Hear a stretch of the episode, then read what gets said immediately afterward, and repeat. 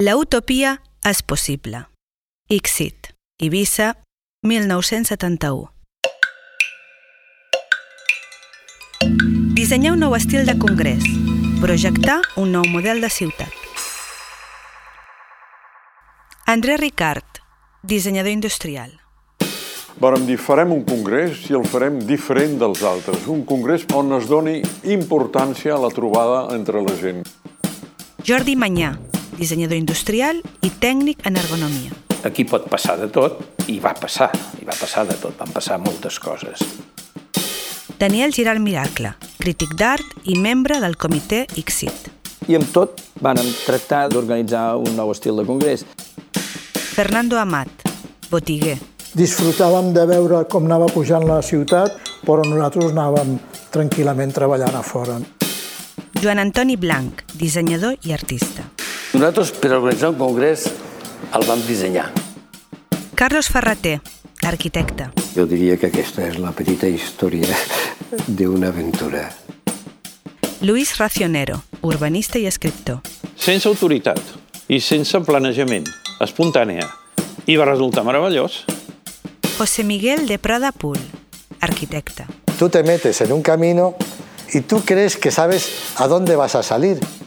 Santi Ponsetti, economista. Perquè d'Einstein en va tenir molt poc, és a dir, això va, va, va durar la tira de temps. Jordi Pericot, catedràtic emèrit de la Universitat Pompeu Fabra. Ells estaven a dalt i els estudiants estaven a la base, a la platja.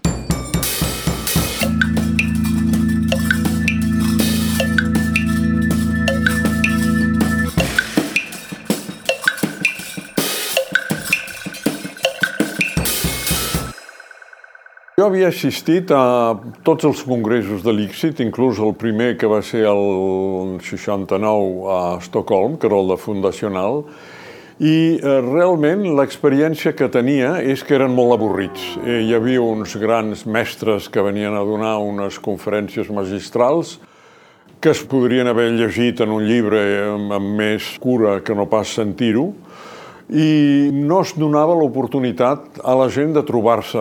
El fet de que es reunís gent del món del disseny de diferents cultures i diferents països era una ocasió que no s'aprofitava plenament. I això mm, era una impressió que els que havíem assistit als congressos anteriors teníem. I vàrem dir, si fem un congrés, i era l'ocasió de fer-ho perquè realment començava el nostre moviment a tindre cos i a ser respectat al món, i donar-nos a conèixer finalment el disseny d'aquí, d'aquest país, vàrem dir, farem un congrés i el farem diferent dels altres. Un congrés precisament on es doni importància a la trobada entre la gent. Andrés Ricard, que ha arribat a la vicepresidència de l'ICSIT, perquè és un home que ha tingut sempre una activitat internacional important, amb bones connexions, etc. Se li adjudica la realització d'aquest congrés d'Assemblea i Congrés a Barcelona. L'anterior s'havia fet a Londres i en l'acte inaugural hi havia anat la reina d'Anglaterra. Clar, saltar d'allò Espanya, d'aquell l'Espanya d'aquell moment, i ja no l'Espanya, sinó a la Catalunya, a Barcelona concretament, que el món del disseny érem unes poques persones que encara doncs, anàvem reclutant-nos per mirar de pertànyer, de tindre alguna institució que ens emparés, i eh, el Foment d'Art Decoratives va acceptar la denominació de l'ADI, ADIFAT, eh, que és la que en aquell moment estàvem inscrits. Jo crec que la primera consciència que tots vam tindre és que havíem de fer alguna cosa diferent, que no podíem pretendre ni emular lo de Londres i tal, sinó que havíem d'anar-nos per un altre lloc. I aleshores la problemàtica era, estaven en dictadura, encara que era potser la dicta blanda ja en aquell moment, Vam dir, on t'ho fem? Perquè, bueno, demanar un permisos i tal, sabíem per experiència que no es donaven fàcilment i que tot eren inconvenients. Primer vàrem pensar en un vaixell, inclús de fer com una mela de creuer, sortir de Barcelona i tornar a Barcelona durant els 4 o 5 dies. Però després vàrem pensar, ja tenim un vaixell, que és una illa, és un vaixell, i a més Eivissa ja tenia, encara que no era la Eivissa de després, ja tenia un aire, diguéssim, de més llibertat i de més autonomia respecte al país, a Espanya d'aquell moment i vam escollir Eivissa. Va ser resultat d'una exploració de territoris, l'acció d'espais i de tot el que vam visitar va ser el lloc més aïllat, perquè era una illa, i dintre una illa encara més aïllat, al nord de la illa, i perquè els molts estrangers que vivien, un lloc de pau, la tradició intel·lectual de filòsofs, d'arquitectes, d'artistes i galeries d'art, donava un ambient propici per tenir un territori molt internacional, mític, màgic, mediterrani, primitiu, no envaït, i, i vam pensar que això seria un atractiu molt gran pels, pels europeus i pels americans, i així va resultar. En aquell moment, políticament, a Espanya hi havia un relaxament. Ja el franquisme estava donant mostres de relaxament. I molt concretament, la illa d'Ibissa, crec que va ser el mateix Fraga Iribarne, que aleshores era ministre de Turisme, va ser el que van obrir una mica la màniga allà, van obrir una mica la mà. Per què? Perquè hi havia un fet latent en el món, el fet contracultural, el món hippie, el món de persones que buscaven una forma diferent de cultura, un alliberament, va ser on va haver-hi la primera permissivitat en el terreny de les drogues. No podia haver passat en lloc més, no? A més, arribar-hi amb un vaixell és algo que també era una iniciació, no? No és allò de dir me'n vaig a Canet Rock i en allà ballo tota la nit i després torno a Barcelona. No, no. El ritual d'agafar el vaixell i anar-te'n a Eivissa i arribar sempre arribar a Eivissa o arribar a una illa sortint del vaixell és algo que ja et col·loca d'una manera diferent. Jo crec que vam intuir que hi havia nous temps i amb tot vàrem tractar d'organitzar un nou estil de congrés. Vàrem presentar la nostra candidatura al Congrés de Londres, vàrem demanar al eh, Yves Zimmerman i a l'Amèrica Sánchez que fessin un fulletó que exposés aquest esprit nou que volíem donar-li. Vàrem fer un fulletó extraordinari, molt maco, molt bonic, ple de sol, ple de llum, ple de blau. I ja s'exposava aquest concepte, diguéssim, del congrés contacte, el congrés de trobada personal. I sí, sí, va ser acceptat a Londres i vàrem tornar del Congrés de Londres ja amb l'autorització de, diguéssim, tirar endavant el Congrés. Era un repte molt gran. Després de tots els anys de l'autarquia, després de tot el tancament polític, de l'aïllament de fronteres, quan encara es necessitaven els visats per anar o per venir a Espanya, nosaltres ens posem quixots i diem ara a la grossa un congrés d'èxit, i no solament un congrés d'èxit tradicional, sinó que inventeu una nova fórmula de fer congressos, que la gent s'ho passi bé, que sigui creatiu, sigui provocatiu, i finalment va resultar un congrés trencador. Per dues circumstàncies, perquè teníem molta energia i volíem fer un esdeveniment de diàleg entre els del nord, que semblaven dissenyadors instal·lats i molt vinculats a la indústria, i els del sud, que estàvem en una posició emergent i que amb els nostres recursos teníem un disseny específic que homologar amb els dissenyadors internacionals. Nosaltres, per organitzar un congrés, el vam dissenyar. I això cal recalcar-ho perquè vam seguir un procés metodològic com si féssim un producte. Per dissenyar alguna cosa, des d'un punt de vista funcional, cal preguntar-se per què serveix. Però abans de preguntar-se per què serveix alguna cosa, has de preguntar què és. I per tant, preguntar què és un congrés. Per tant, nosaltres vam entrar en el procés metodològic del què, per què, per a qui, per a què, on, i llavors uns llargs punts suspensius i al final, i com? I com ho farem això? No volíem fer conferències magistrals que són unidireccionals. No volíem festes de saló. Volíem una altra cosa. Volíem que la gent es comuniqués. Una oportunitat perquè entre ells es parlessin i es comuniquessin face to face, directament. I això ens portava a fugir de la ciutat. Perquè Barcelona, que és magnífica i com és tan atractiva, la gent se'ns ha escapat del Congrés, és el mig de Barcelona, evidentment. I llavors va sortir una idea interessant, fer-ho als hotels Cartago de la Cal Sant Miquel, que morfològicament era un vaixell barat a la vora del mar, perquè estava com aparcat, amarrat, allà, just a l'acantilat, tocant a l'aigua. I a partir d'aquí es va plantejar tota la filosofia del Congrés. Quina imatge reforçarem nosaltres? Què podem oferir? La gran tradició catalana és de l'artesania, no hem de descuidar mai que de la tradició artesana és de la que després se'n nutreix el disseny, que el disseny ha tingut i tindrà un nex amb la, amb la tradició i amb les arrels i amb, la, amb el que és culturalment propi, i eh, Les imatges que podíem presentar no eren imatges de grans equipaments eh, de disseny, de grans eh, productes industrials carismàtics i tal, sinó bàsicament una herència, una herència eh, important en el camp d'un refinament de l'artesania al qual s'havia arribat. Aquella Eivissa que nosaltres vam explorar als últims 60 encara era la Eivissa primigènia. Molt pocs hotels, moltes cases pageses, carreteres estratíssimes i cultura rural, amb les pageses vestides i les festes sortint de missa tot el diumenge, i un mercat artesà de tant en tant. Clar, nosaltres arribem en el moment de la gran transformació del desarrollisme, de la descoberta del turisme impulsat per els ministeris espanyols del senyor Fraga, i allò suposa una ruptura. Hi havia primer l'Assemblea a Barcelona, que va tindre lloc a l'escola Elisava de llavors. La Via Augusta ens va rebre allí amb el seu auditori, tot va anar fantàsticament bé. I a Eivissa hi havia un altre grup que era el que s'encarregava de, diguéssim, muntar les instal·lacions. Clar, instal·lacions, quines instal·lacions?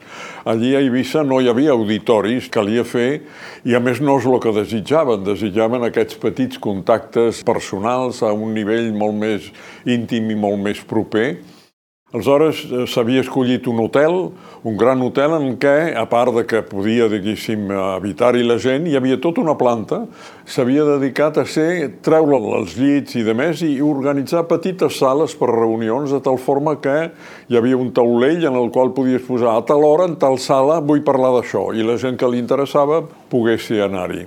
La idea era que els congressistes no anéssim amb, com dèiem, corbata i americana, sinó que anessin, doncs, no sé, amb bermudes i, i una camiseta, diguéssim, per la qual l'etiqueta que es portava normalment a les americanes doncs no podia ser, aleshores vàrem organitzar una mena d'escapulari en el qual hi havia el nom de la persona i amb unes pegatines hi havia els colors dels diferents idiomes que parlava. Estava com a molt pensat per ser precisament un congrés en què no estiguessis vinculat als estructures habituals dels congressos. No?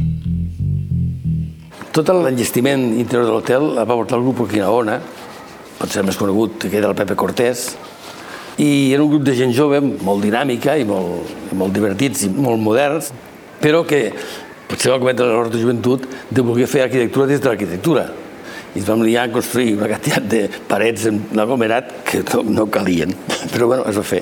I ens va un caire una mica diferent, però també una sensació de in progress. Vull dir, el Congrés s'havia inaugurat i ells seguien treballant i, i clavant claus i posant parets. Van treballar fins l'últim dia, per tant, no es va acabar l'enllestiment de la instal·lació fins que vam desmuntar per plegar. A l'arribar tots de Barcelona, els que estàvem a l'assemblea, vàrem arribar a Eivissa amb avions, en diferents fornades, les instal·lacions que tenien que estar ja llestes no ho estaven, o sigui que hi havia un cert sensació d'improvisació que va sorprendre no solament els congressistes, sinó els organitzadors, que eren els que estaven fins llavors a Barcelona. La gent mm, tenia la impressió de que estaven com, diguéssim, eh, engarjolats i la qüestió d'avions de sortida, només arribar ja estaven preocupats per veure com tenien que sortir.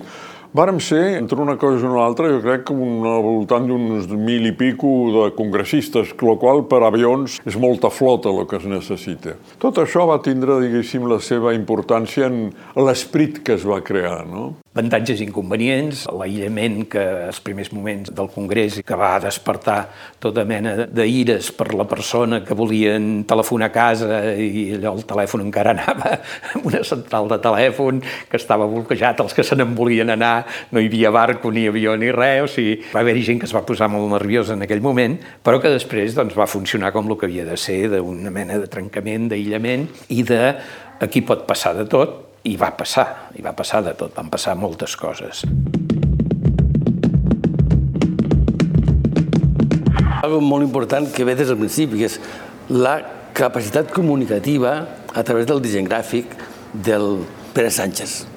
Un disseny gràfic molt en línia còmic, o sigui, molt poc ortodoxe, no suís el disseny gràfic, sinó més del carrer, més grafiti. La illa, des de l'aeroport fins a la Casa Sant Miquel, estava plegada de rajos que van caure del cel. i que es van clavar al camp. I llavors a dintre la comunicació era molt, molt divertida, molt fresca, molt, molt de jugar, molt de com.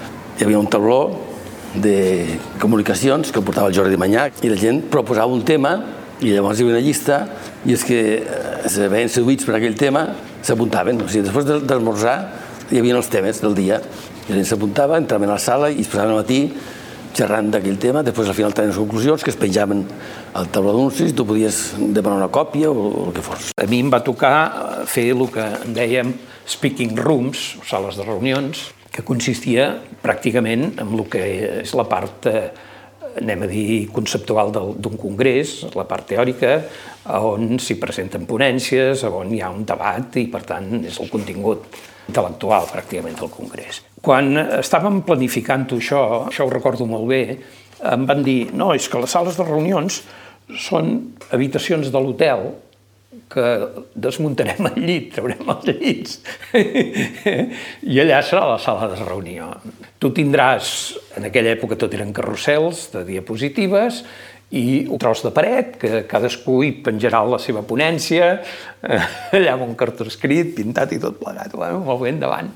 La insuficiència que hi ha a les meves paraules segurament ja denoten va ser total respecte a, a les demandes, a la llau de gent que volia participar-hi, que volia anar-hi, que volia escoltar, que volia presentar algun debat, alguna ponència. Però ens en vam sortir, vam fer com ho vam poder, tothom portava diapositives, repartint els projectors com podíem, passant coses a la tarda perquè, mira, al matí ja està tot ocupat, fem-ho a la tarda i tal, i repetint ponències que havien quedat desbordades, que ja no sabia les fotos, ja sabeu les fotos que hi ha d'aquestes sales de reunions, la gent allà sentada a terra, tocar una amb l'altra, és el que va ser. Però van haver-hi ponències i debats molt interessants. La dinàmica intel·lectual del Congrés va ser a base d'això, de taules de treball, de trobades. Una altra cosa que vàrem voler resoldre d'una forma nova va ser la qüestió dels estudiants. L'observació que havien fet els altres congressos és que eren tots gent gran, professionals ja establerts, perquè està clar, era car. Primer hi havia el viatge i després hi havia l'allotjament. I calia donar una possibilitat d'allotjament. El viatge no podíem fer gran cosa, però l'allotjament podíem intentar tindre una solució que fos realment eh, econòmica o gratis totalment. I això se'ns va acudir, no sé qui va tindre la idea de que hi havia un arquitecte madrileny que feia uns inflables en plàstic i tal, van dir, i en Eivissa per què no fem a la platja uns inflables en el qual, a més, cadascú s'ho pogués organitzar ell mateix, el seu propi iglú de plàstic, i sí, sí, es va crear el que es va dir la Instant City, que estava a la platja i que era molt maca, a més, amb plàstic de colors maquíssims. Amb el Fernando Bendito, que érem estudiants d'arquitectura, no havíem encara acabat, eh, es vam enterar que hi havia un congrés molt important de disseny a Eivissa a l'estiu del 71. Vam anar al FAT, que era el que l'organitzava, i vam demanar a veure si podíem ajudar en alguna cosa, que érem dos hipilons amb els cabells llargs, i ens vam mirar així una mica i vam dir, bueno, doncs escolti, no, ja ho tenim tot, pràcticament tot organitzat, ja tenim equips i tal, bueno, doncs escolti, no podíem fer alguna cosa. Bueno, al final, ja quan se n'anàvem, un de la Junta, en aquest moment no em recordo exactament qui era, va dir, bueno, hi ha un tema que són els estudiants. Tenim que fer un joc per allotjar els estudiants els dies del Congrés, un càmping o alguna semblant, i no tenim fins al moment ningú. I bueno, doncs escolti, nosaltres ja ens interessa això. I això que, que tenim que fer, diu, no, miri, nosaltres tenim un pressupost previst, 10.000 pessetes, eh, per fer el càmping. I, bueno, ràpidament el Fernando i jo es vam apuntar i vam dir, doncs escolti, nosaltres li solucionarem aquest tema. Estaven ja cansats d'una escola d'arquitectura en crisi perpètua, assemblees, manifestacions, sempre tancada, tancaments, etc. No? I volíem fer alguna una mica creatiu. Per altra banda, doncs, bueno, la política, que en aquell moment eh, lo envaïa tot, hi havia un cert moviment hippie que venia de, de Califòrnia i d'algunes universitats lliures, no? i que eren temes que també ens agradaven i ens interessaven, la música pop, etc, el, el món dels festivals de, la isla de White, també Woodstock, etc. No? I van dir, bueno, pues, escolta, en Ibiza per què no muntem un happening brutal i eh, una mica al marge del Congrés, si podem aprofitar el Congrés, pues, muntem aquest gran happening. D'aquí van començar a treballar, es van donar una petita oficina i al, a en un soterrani, ah, tenia dos per dos metres quadrats, amb una màquina d'escriure i van començar a redactar cartes i van dir, bueno, tenim que fer un manifest per convocar la gent que vingui. I vam cridar el Luis Racionero. Luis Racionero, perquè en aquell moment Luis Racionero havia aterrat a Barcelona, venia de Califòrnia, de Berkeley, i ens va semblar que era una persona idònea per ajudar-nos a configurar aquest manifest. I en una d'aquestes, el Carlos Ferreter va aparèixer allà, al Butxet, a la comuna, i em va explicar que hi havia aquest congrés de disseny i que pensàvem algun tema que es pogués fer. La idea del nomadisme, això venia molt amb aquest moviment, no? I ells feien, bueno, els veïns, no? que eren un festivals on es reunien les tribus, que deien, i anaven tots els hippies de diferents comunes de San Francisco, es trobaven en un parc i s'ho passaven molt bé durant uns dies. Clar, jo vaig dir, home, pues, per què no fem com un veïn a Eivissa, encara que és més complicat, perquè no poden venir i tornar-se a casa amb el cotxe a dormir a casa, sinó que el que tenim és que preveure un allotjament, però de tipus així hippiesco, no? de tipus molt, molt, molt senzill, que pugui venir qualsevol i no pagar. I ja vaig pensar, doncs això, si hi ha una reunió de molta gent, és com una ciutat que es crea durant un temps i després es dissol. I, per tant, li vaig dir la Instant City. I vaig escriure aquest manifest explicant això, no? lo del nomadisme i lo de, què és una ciutat sinó una reunió de gent. El que passa és que és una reunió de gent que continua en el temps jo això ho vaig treure al People's Park. People's Park va ser un, un desastre, perquè van haver-hi morts, dos morts, degut a la policia d'Oakland, els. Eh, va ser que allà a la Universitat de Berkeley hi havia un solar abandonat, propietat de la Universitat de Califòrnia, estava al centre mateix, on hi havia la, la, la màxima quantitat de hippies i estudiants, i de cop un dia, eh, quan jo sortia a casa i passava per allà a la vora, em vaig trobar que ho estaven arreglant. I va ser un acte comunitari. I els hippies i els estudiants estaven treballant allà convertint aquell parking lot en un jardí. Estaven plantant, estan arreglant i estan posant coses perquè juguessin els nens i posaven bancs. I me'n recordo, vaig anar cap allà i vaig dir, què puc fer? No? Allò típic, bueno, aviam, qui mana aquí, què puc fer? Però no, allò no era autoritari. No hi havia cap jefe que digués i em va contestar, un d'ells em va contestar, do your thing, que era un dels lemes dels hippies, no? Do your thing. Fes lo teu, fes la teva cosa, fes el que et surti, sense autoritat i sense planejament, espontània. I va resultar meravellós.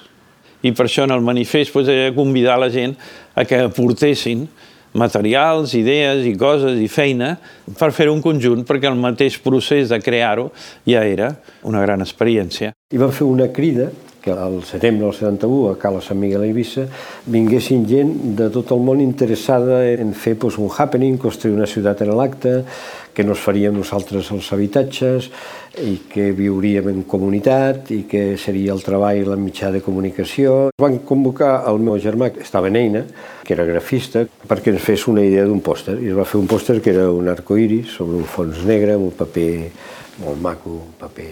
I aquest petit pòster el plegaven en un sobre i ho enviar el manifest a tot arreu del món. A la Índia, a les universitats dels països nòrdics, Argentina, Xile i sobretot al món de Califòrnia, que el Nacional va subministrar moltes adreces no? i van enviar moltes cartes. A París, a Londres... bueno, la resposta va ser tan increïble que al cap d'un mes teníem un volum de cartes quasi superior al del Congrés. Escolta, Ara no podem fallar, tenim que preparar un material que permeti construir una ciutat. Total, van començar a parlar de pensar en resines, cartrons, havíem fet algun treball allà a Vivirera de geodèsiques amb tubos de plàstic i làmines de PVC transparent, i vam veure que tot això estava molt bé, però aleshores vam pensar, diu, tot això és una mica complexa perquè vingui la gent i tot d'una en poc dies es comenci i tal. Aleshores vam pensar, mira, oh, escolta, hi ha una cosa, vam veure un article sobre inflables, sobre estructures pneumàtiques, i vam dir, escolta, això sembla fàcil, un ventilador, un plàstic, i tal. I aleshores dic, qui és el que sap? Vam començar a pensar qui sabia d'això, vam fer quatre trucades, vam dir, escolta, a Madrid hi ha un senyor que es diu Sant Miguel de Pradapul, que sap un munt d'això. Bé, però escolta, cridem-lo. Van cridar, i ell, que era un un fantàstic, amb el cabell llarg i tal, pata d'elefante, Y él va a contestar de seguida, escucha, ¿cuándo vengo a Barcelona? Pues ven cuando quieras, mañana. Y vino. yo había hecho ya entonces ciudades de vacaciones ecológicas. ¿Y entonces en qué consistía esa ciudad de vacaciones? Pues era una especie como de instant, pero vamos a ponerla flotando en el agua, para que ni siquiera hubiera que hacer zanja ni nada.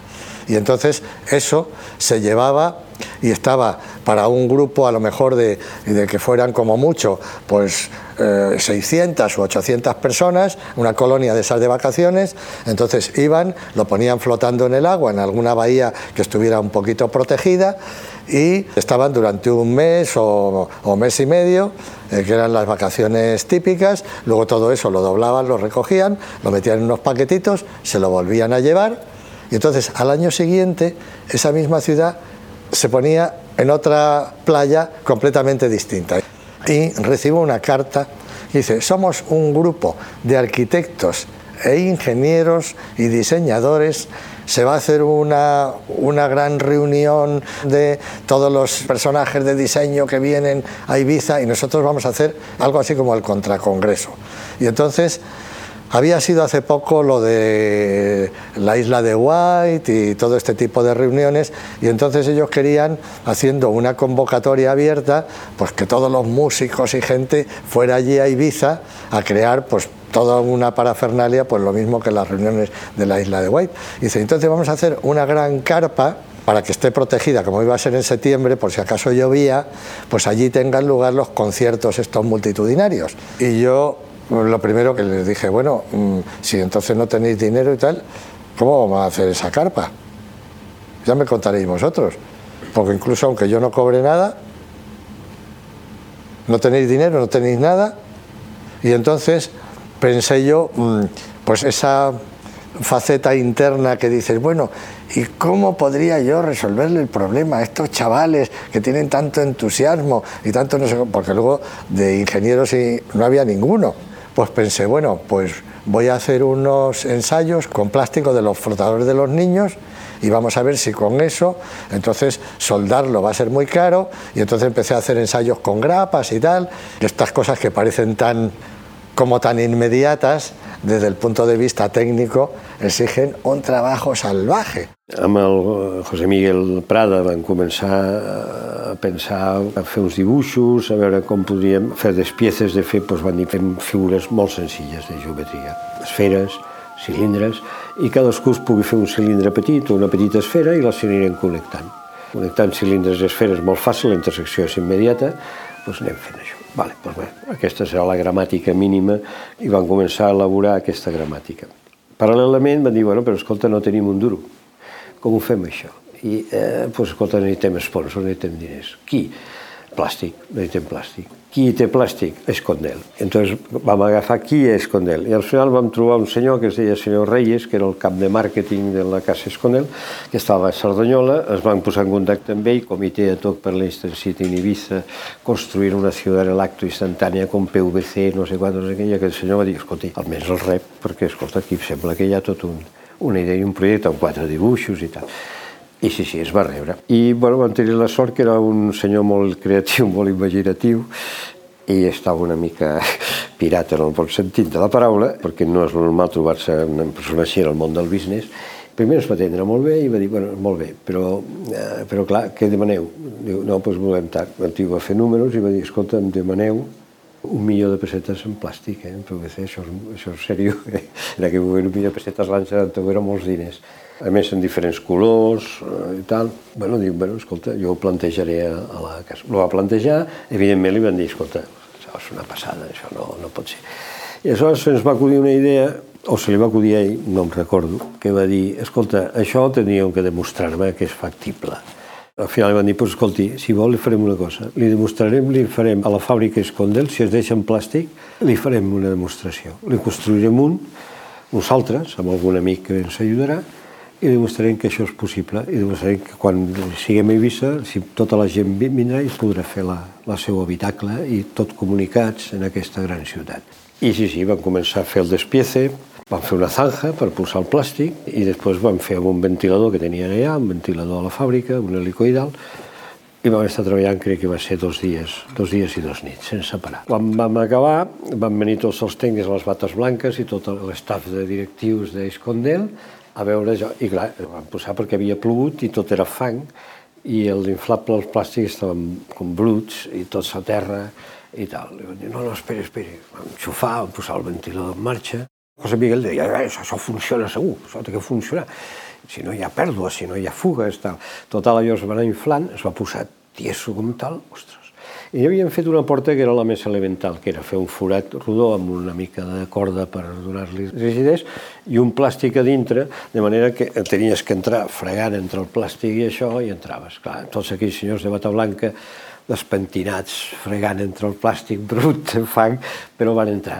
Nosaltres que estàvem emocionats, i mira, mira el que hemos hecho. I van donar els diners i el plàstic.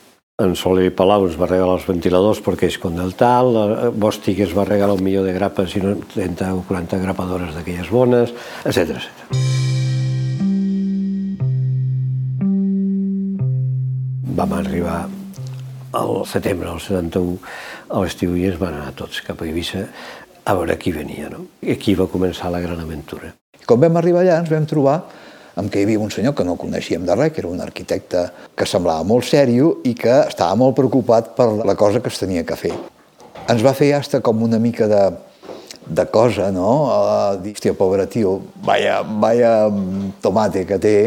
Y entonces empecé a hacer un, lo que yo llamaba la cartilla del usuario, donde hice montones de dibujitos con un colaborador mío que se llamaba Ginés Carvajal. Los pusimos en papel vegetal, hicimos montones de fotocopias, montamos en tableros así grandes. Anava a l'oficina, que estava a una capelleta, a un camí una, una mica dalt de l'hotel, allí tenia el magatzem del plàstic, tenia un, un catàleg amb uns quants models i segons la gent que el grup que eren treaven un model, els donaven un patronatge, unes bobines de plàstic, unes tisores i una grapadora. Y entonces se daban unas instrucciones de cómo se debería de aprender a grapar. Cada persona que llegue lo que tiene que hacer es ayudar a otro que haga de director del equipo, y entonces son cuatro, y el director del equipo que ya sabe grapar, pues les enseña cómo grapar y entonces ellos están grapando con él. Ara una franja blanca, ara una franja vermella, grapeu cada X de centímetres, doblegueu per aquí.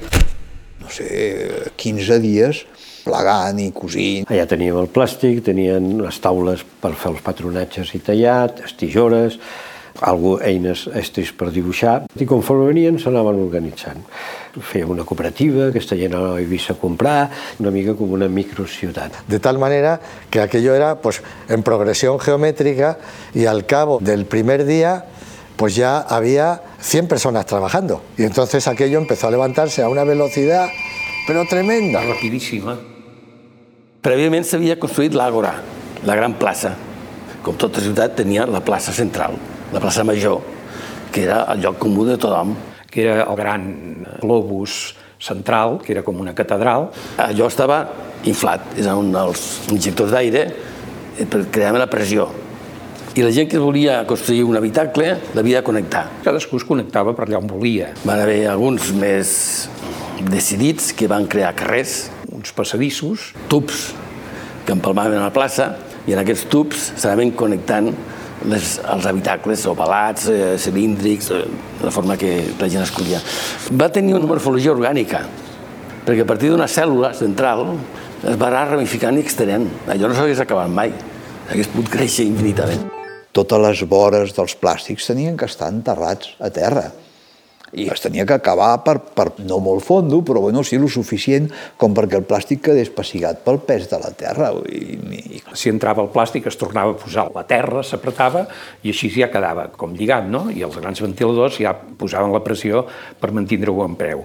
I van haver-hi realitzacions molt curioses com el, van ser austríacs, uns dissenyadors austríacs, de diferents països, o sigui, hi havia, hi havia estrangers. que són els que van fer aquell inflable que, està, que té un arbre dintre. Eh? Que, és a dir, hi havia uns marges de creativitat altíssims. Una cosa que jo encara no sé ben bé perquè li deien Instant City, perquè d'Instant en va tenir molt poc, és a dir, això va, va, va durar la tira de temps. Una de les coses que ningú volia fer eren els vàters. Ah, Llavors, una ciutat sense vàters, la veritat és que no, no podia anar.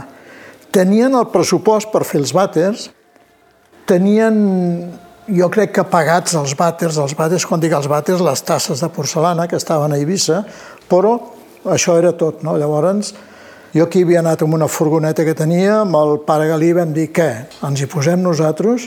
I ens hi vam posar. Vam començar per anar a Eivissa, a carregar vàters, després a fer un altre viatge ple de lavabos, un altre viatge a tuberies i a poc a poc vam anar fent la còpia de tot el material que es tenia de col·locar. Era emocionant, era... Tenies de fer alguna cosa i a nosaltres ens va venir molt més de gust treballar nosaltres sense ningú que ens estigués marcant una mica. És clar, disfrutàvem de veure com anava pujant la ciutat, la Instant City, però nosaltres anàvem tranquil·lament treballant a fora. No? Era molt curiós l'entrada. Tots els inflables sòlidament construïts, que tenen llarga durada, tenen que cuidar molt la permanència de la pressió d'aire a l'interior, amb la qual es sol treballar amb portes giratòries perquè tant aire com entra surt i es manté la pressió.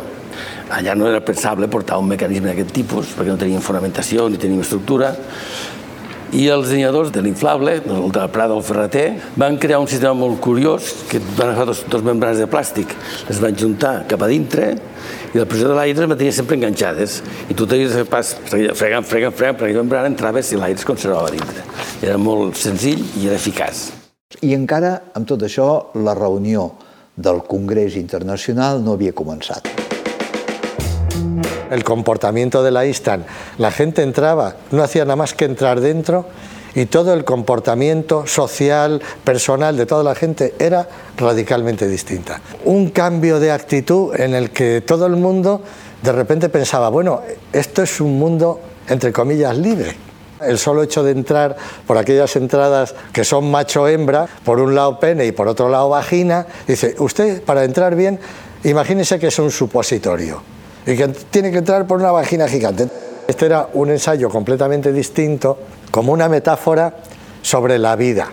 Y entonces eran una serie de bóvedas de colores, pero de las que salían una serie de ramificaciones que eran lo que podían ser los tubos estos de la Istan, pero que oscilaban y daban vueltas y tenían eh, longitudes bastante grandes y entonces daban vueltas y revueltas y entraban por un lado y salían por otro, de tal manera que se llamaban pasillos sin destino o caminos hacia ninguna parte. Era una metáfora mía, poética, de la vida. Tú te metes en un camino y tú crees que sabes a dónde vas a salir, pero realmente la vida te lleva por donde te lleva. Van arribar els congressistes i els congressistes van quedar molt sobtats perquè, clar, la Instant City era un, una font inesgotable d'activitats, de música, de teatre, inclús pujaven els grups de teatre als hotels a, l'hora de menjar i tal, a veure si també que hi ha alguna cosa i tal, no? I els congressistes van mostrar molt solidaris, i van baixar, ens baixaven menjar... Això, a més, comportava una relació dalt baix, els que vivien dalt, els rics, o els que podien pagar-se l'hotel, els que vivien baix, que eren els que tenien més mitjans, i també coincidia que eren els joves. Des de dalt miraven els de baix i des de baix miraven els de dalt. Va haver alguna incursió molt curiosa des de baix, fent-se notar, van muntar una performance una nit, mentre sopàvem a dalt, es van disfressar de manera elemental, però van pintar les cares, i van entrar al menjador, sense dir res, van recórrer entre les taules, van anar tocant algunes coses amb molta delicadesa, sense molestar, doblegant una forquilla, canviant-la de lloc, va fer una intervenció sutil, la gent es va quedar una mica esverada, els estrangers estaven molt assustats, el Moragas, que va passar tot el congrés amb ulleres fosques per dissimular, perquè ens venien crítiques tot arreu i ell estava hieràtic amb ulleres fosques i era impassible. Van demanar tranquil·litat, aquí no passa res, deixeu-los fer, i se van anar i no va ser res, va ser un acte. Després ho van interpretar com un aconteixement, va ser un, una performance. Però nosaltres, la part fonamental era, a través de la platja, que era el terreny de tots, intermig, es produís la connexió entre les persones i també els de dalt amb els de baix. Perquè els dalt eren els dissenyadors consagrats o professors, i de baix eren els alumnes o els dissenyadors emergents. I en un congrés possiblement s'haguessin trobat poc, però és que allí es podien, els volien que es trobessin I això va funcionar l'últim dia, que va haver una... Vam aconseguir que els, que els de dalt anessin a visitar l'Instant City, perquè estar allà era una experiència que no se la podien perdre. Estàvem parlant de dissenyadors. I havien dissenyat una ciutat efímera, amb mitjans precaris. Hi havia una contradicció des d'un punt de vista ja formal. És a dir, hi havia la petita ciutat de plàstic, inflable, per la, la classe eh, estudiantil, és a dir, la base, el proletariat de l'època, i després hi havia en l'hotel dels professionals consagrats que més o menys doncs, ja seguien les pautes d'un congrés a partir d'hotels més o menys confortables. I més o menys estaven físicament enlairats. Ells estaven a dalt i els estudiants estaven a la base, a la platja, en tota aquella humitat que comporta la sorra de la platja. Aleshores, això ja era com... Formalment hi havia una mica aquesta contradicció el, el Congrés doncs, va seguir la vida pel seu compte i nosaltres vam seguir la vida pel nostre compte. I de tant en tant els senyors baixaven i ens explicaven coses del Congrés, nosaltres ens escoltàvem molt atents, i, i fins i tot algun eh, es barrejava. Algun s'interessava una mica més per la cosa i algun fins i tot es va interessar per grups que tocaven allà instruments, doncs eh, algun s'apuntava també a tocar el timbal, perquè en aquell moment tothom es pensava que podia tocar el timbal, amb el cap acabava com un bombo. L'experiència de dormir, els pocs dies que vaig dormir a dintre d'aquelles bombolles de plàstic, eh, per la nit, quan feia fresc, que feia fred, pel dia, amb el sol, feia calor, veure tota l'estona aquells colors era mm, bastant al·lucinant i, sobretot, és que no es podia dir res que la de més gent no s'enteré. Total i absoluta falta d'intimitat, però no falta d'intimitat visual, falta d'intimitat acústica, falta o sigui, era, a més d'Instant City, era la ciutat impossible, però divertida. Potser va haver-hi una història curiosa, no? que va ser que aquesta ciutat, que era una ciutat eh, de contraproposta, de protesta contra l'establert, contra aquesta cosa una mica burgesa que nosaltres veiem que havia adoptat en aquell moment el disseny industrial i que proposaven altres mitjans de comunicació, el treball com i l'oci i el lliure, no? I a poc a poc la ciutat se va burguesant. Per què? Perquè eh, la gent volia dormir, hi havia brutícia, a més hi havia aquesta cosa tan maca entre, com una cosa molt tecnològica que eren els inflables i per l'altra aquesta brutícia del sac de dormir ja estirant. No? La gent que ja venia, com ja havia molta ciutat construïda, ja no construïa, ja es posava el sac i es, de, posava a viure, amb la qual aquesta eina de comunicació es tancava una mica, es van establir regles, van començar a aparèixer ja prohibit cridar, prohibit quitar, prohibit a partir de les 12, no embrutar, no tal, eh, molt sense sabates, amb la qual van dir, escolta, però si tot, el que volíem carregar-nos estem atrevent, de vegada caigueren el mateix. No? Amb la qual un grup de gent, eh, farts d'aquesta història i cansats, vam agafar trossos de plàstic, quatre canyes que hi havia i quatre això, i es vam anar a la muntanya, davant dels hotels, i vam muntar una contraciutat per protestar de que la ja era una ciutat, una, una, vamos, una exponent burgès o petit burgès d'això. Amb la qual la protesta de la protesta. No? I allí es podia tocar la guitarra fins a les 5 de la matinada i no hi havia regles, no hi havia res i aquella és una ciutat ja més àcrata i més lliure. No? Quan es va acabar tot aquest happening, clar, això es va acabar i es va desenxufar els ventiladors que amb la mica d'aire que feien, feien aguantar tot l'Instant City i tota l'Instant City es va pensir i es va quedar tirada per de terra. El plàstic aquell no s'havia perdut. El plàstic de l'Instant City, tot allò que havia quedat pensit a terra, bueno, tot allò no s'havia llançat. Tot allò havia sigut reciclat, d'alguna manera, per als pagesos de la illa, que n'havien fet eh, hivernacles, n'hi havien fet eh, cubetes perquè l'aigua es conservés, és a dir, es veien tots els camps d'Eivissa plens de colors del maleït plàstic aquest amb el qual nosaltres havíem tingut tanta, tanta feina. Van per viure 3, 4 i 5 anys a Eivissa. Tu veies un galliner tapat amb PVC, una taulada recoberta amb PVC, tu veies un paller recobert amb PVC del, del Congrés, per tota la illa. Per mi la imatge més descriptiva del que va ser Ixit Eivissa 1971 és aquelles tres o quatre pageses que passegen per davant de l'Instant City, que no s'atreveixen a ficar perquè allò és massa sexual l'entrada eh, que varen proposar, però que cada dissabte cada diumenge, en el procés constructiu i en el Congrés, venien a veure. Y no veas la entrada de los guardias civiles allí dentro y yo decía, bueno, lo primero que tienen que hacer es quitarse el tricornio. Con el tricornio no entran ni a tiro. Entonces yo decía, mira, cogen el tricornio y cogen el mosquetón y el tricornio y lo ponen así. Y entonces así, ya, y por delante, y veías los guardias civiles con el tricornio y eso moviéndose. Mira, y era, pero, pero algo verdaderamente extraordinario. El Consell d'Organització del FAT i de l'Adifat mai va entendre què seria l'Instant City. Els promotors de l'Instant City, els joves que es van posar a treballar allà i a inventar, eh, el Ferreter, el Benedit o el Prada Pool, van anar molt més enllà, van inflar el globo de realment i van aconseguir fer una peça que ha passat a la història de l'arquitectura com una peça emblemàtica.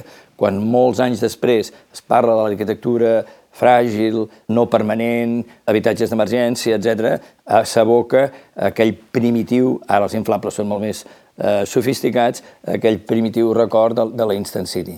L'espectacle, allò que va transcendir, allò que va sortir al Nodo, que va sortir a les pàgines de color dels diaris, allò que tothom va fer milers de fotos, o de Super 8, allò va ser la Instant City. L'Instant City s'ha transformat en el tòtem que identifica i explica què va ser l'Ixit. Properament. Miralda i el seu equip van organitzar la soirée inaugural Un happening. happening més desconcertant. Home han caigut en aquesta gent mig salvatges. La gent al·lucinava. Va haver-hi un xoc La irracionalitat total. El pollastre era de color groc. molt original. Culinàriament va ser immenjable. Escolti, que es pot viure d'una altra manera. L'últim dia van entendre què els hi volien proposar Tots ens venen a felicitar. I això ja ha calat. Gairebé ens vam arruïnar. col·lectivament. Un dèficit. Però el fracàs ha estat que no s'ha repetit. Era algo bastant irrepetible. Magnífic.